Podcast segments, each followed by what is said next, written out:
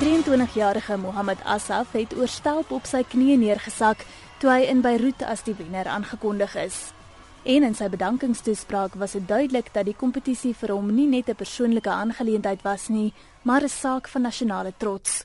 The Palestinian people can speak in a million languages full of beauty, love, and peace to the Arab world and to the whole world.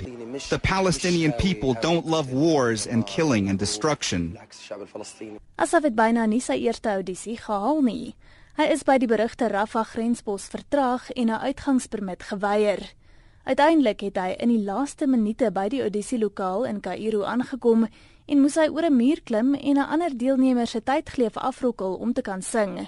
Nou is hy egter 'n nasionale held En inwoners van die Gaza-strook sê daar was die naweek straatpartytjies om sy oorwinning te vier. Wanneer hy na die Gaza-strook terugkeer, mag daar egter 'n struikelblok voor lê vir Assaf. Die konservatiewe Hamas-regering is ongelukkig oor die idol-verwysing in die naam van die kompetisie en daar er is vrese dat hy toestemming geweier gaan word om in die openbare op te tree. As hy in die Palestynse Wes-oewer wil optree, sal Assaf weer uitgelewer wees aan die Israeliese owerhede.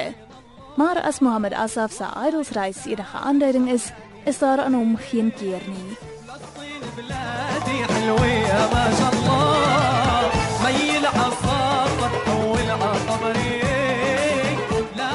Ek is Sina Venter in Johannesburg.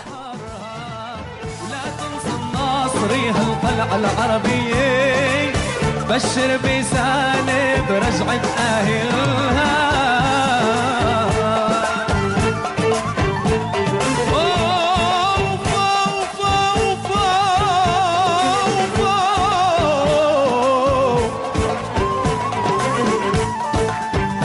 أنا أنا يا قدس والدمعات هاموا الأهلي في فياف الأرض هاموا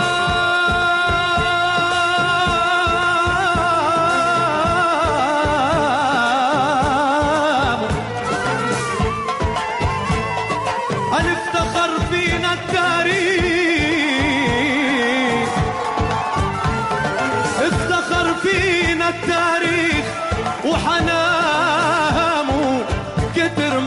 خبر شعبي على العذاب